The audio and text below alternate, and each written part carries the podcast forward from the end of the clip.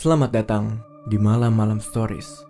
Podcast ini berisi cerita horor kamu, creepypasta, dan mitos malam. Pembuatan podcast ini dibantu oleh rekan kami, Anchor. Anchor bisa bantuin kalian bikin podcast mulai dari rekaman, edit suara, tambah lagu, pokoknya semuanya bisa kamu lakukan sendiri dalam satu aplikasi.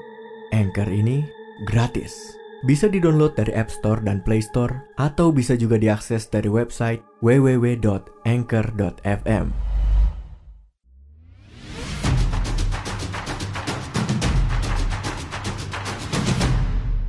Kini Podcast Network.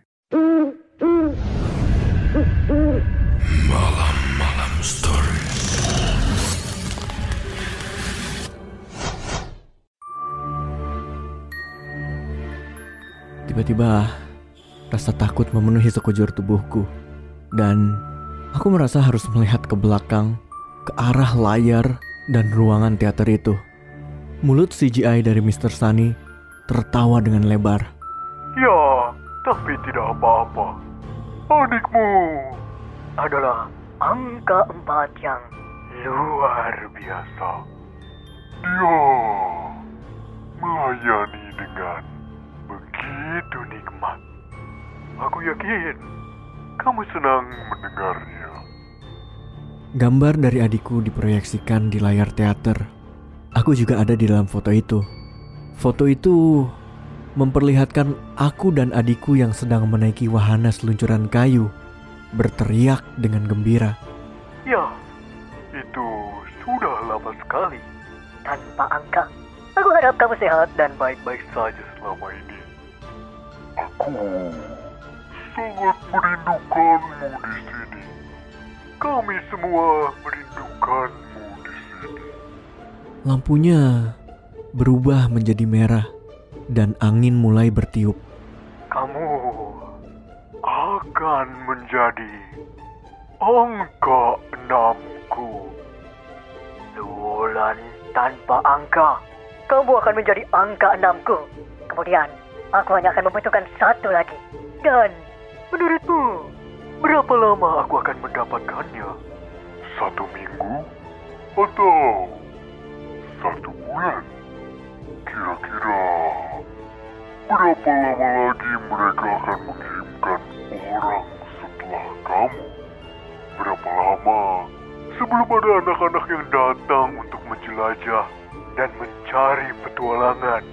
Dan mereka akan menemukanku. Aku menggerakkan kakiku yang terpaku di lantai dan mulai berlari. Aku berlari melewati pintu darurat dan melewati koridor yang dipenuhi lumut. Di sisi lain, Mr. Sunny tertawa dengan keras di belakangku. Kamu tidak akan bisa melarikan diri. Angka enam. Aku berlari. Aku berlari, berlari, dan terus berlari. Aku berlari melewati pintu-pintu yang rusak menuju bagian belakang gedung teater dan terus berlari ke arah tengah taman hiburan ini menuju air terjun dan The Rapids Ride. Wahana punya pengalaman horor? Kirim cerita kamu ke www.malamalam.com. Punya keinginan bikin podcast? Langsung download Anchor dari App Store dan Play Store atau bisa juga diakses dari website www.anchor.fm. Anchor bisa untuk edit dan upload podcast kamu.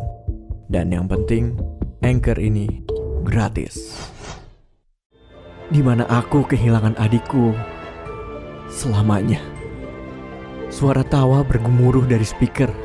Suara keretak dan percikan kembali hidup saat aku berlari melewati reruntuhan. Anak kecil yang tersesat. sendirian di dalam kegelapan. Aku mengikuti petaku, memeriksa ulang lokasi ruang tunggu dari wahana The Rapids Ride. Dulu, ketika aku masih anak-anak, aku sering datang ke sini bersama keluargaku. Aku selalu membenci ruangan tunggu itu. Begini, ruang tunggu ini berada di bawah tanah dan sangat klaustrofobik. Suara sungai Rapids yang deras selalu bergemuruh di atas kepala dan memenuhi ruangan tunggu. Dan aku aku selalu ketakutan kalau tiba-tiba temboknya akan roboh. Semua orang yang mengantri akan terjebak dan tenggelam saat airnya masuk ke dalam.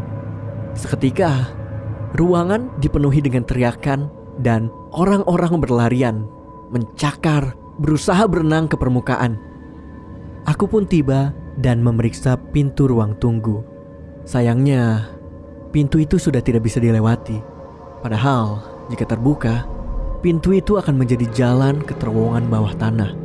Akan tetapi, ada reruntuhan baja yang jatuh tepat menutupi akses jalan kami. Berarti hanya tersisa satu jalan masuk dan keluar. Dan itu ada di area pintu keluar ruang tunggu. Pintu keluar yang menuju ke wahana Rapids Ride. Aku terus menanjak ke tempat itu. Pintu keluar ruang tunggu berada di atas tanah di sebelah kiriku. Pintu ini berukuran sedikit lebih besar dari sebuah lubang biasa, diikuti dengan susunan anak tangga di dalam kegelapan dan dengan pegangan lapuk yang terkelupas terpasang di dinding. Sebagian besar dinding telah hancur dan runtuh berserakan di lantai yang tergenang air. Air terjunnya tepat di samping kami. Inilah pusat taman. Suara air deras yang terus-menerus mengalir ke kolam, dan aku bisa merasakan percikan gerimis di sisi wajahku. Aku melewati air genangan yang berasal dari samping kolam yang bocor itu, dan itu mulai merembes melalui celah-celah retakan dari serat kaca yang melapisinya. Sisa reruntuhan ini adalah panel dari salah satu moda Rapids Ride berukuran luas dan melingkar, dan itu adalah bagian tempat duduk. Ini dirancang agar terlihat seperti kayu, tetapi sebenarnya terbuat dari plastik keras dan serat kaca. Itu tidak terhubung ke rakit, jadi tidak ada kursi atau pegangan atau ban karet atau apa pun. Hanya tersisa rakit tua yang retak dan rusak. Sengaja ditaruh di sini untuk diperbaiki oleh seseorang. Tapi seseorang itu tidak pernah datang.